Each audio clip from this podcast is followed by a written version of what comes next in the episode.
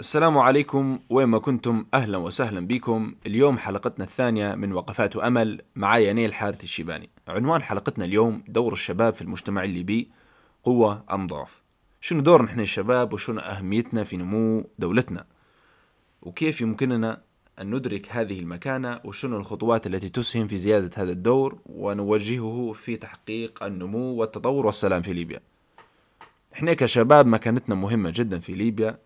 نشكلوا أكثر من 50% من السكان. وتقريبا هذوما اللي تحت 30 عام. مش يتحرك المجتمع ويصير منا ضروري من بناء الشباب. ولكن تعالوا يا شباب نشوفوا إحنا هل فعلا إحنا في الطريق المناسب أم لا؟ تو نجو نشوفوا العديد من الشباب يعني آه، تلقاه يعني مجتهد ويشتغل على دراسته ويزيد يعني يخدم مش يحرك روحه. يعني محتاج القرش يعني قرش الحلال. وهذا بالتأكيد شيء صعب ولكن مشرف. يعني يحتاج واحد يكون مثابر ومجتهد. وفي العديد من الشباب ما شاء الله تلقوهم في ليبيا يشتغلوا على هذا الأمر.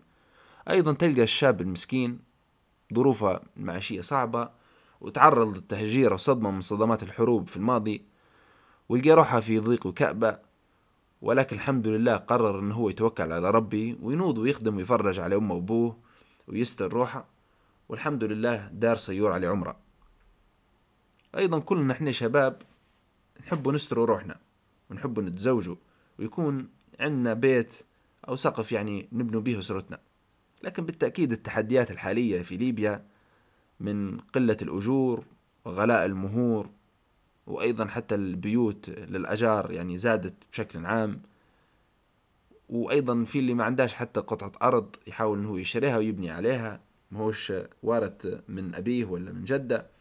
ولكن صدقني لو تتوكل على ربي هيفرجها ربي عليك ويفتحها. وباي شنو نقدر نديرو إحنا مش نكون أصلا فاعلين ونحاول نجتهدوا من أجل إحنا نخدموا من أجل إحنا نصبوا عليك رعينا ونحاول نكونوا آه، فرد ليه أهمية في المجتمع. ضروري من الإنتاجية يا شباب. ضروري إحنا نزرع الأعمال الخير والتصرفات الحسنة في كل ما نلامس. أيضا نسعى إلى كسب معرفة وأيضا العلوم والإبداع ونحاول نحلوا مشاكل المجتمع ونبادروا في حلها. راه مرات الحل هذا يكون تجارة ومرات يكون عمل تطوعي. لا بأس. وهذا الأمر هيزيدنا ذكاء وهيزيدنا علم ويرفع عننا غطاء الجهل وأيضا يبعدنا عن الفقر وحمل السلاح يعني بشكل عام. ضروري ما نجمع شمل الليبيين بكل أطيافه ونحاول ننبذ الكراهية والفحشاء. حتى الرسول عليه الصلاة والسلام يقول من كان يؤمن بالله واليوم الآخر فليقل خيرا أو ليصمت. دائما كلمة الخير كلمة طيبة ضروري إحنا ما نبادروا به إحنا كشباب.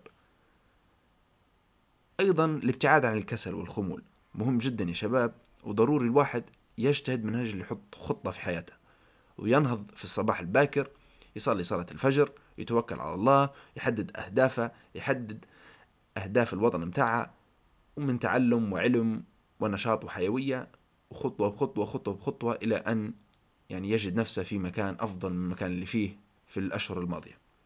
نحتاج إلى قلوب نظيفة وعقول نشيطة وأجساد صحيحة وكل هذه يجي يعني بالعلم والقراءة والرياضة وأيضا الدين القويم والمسار السليم.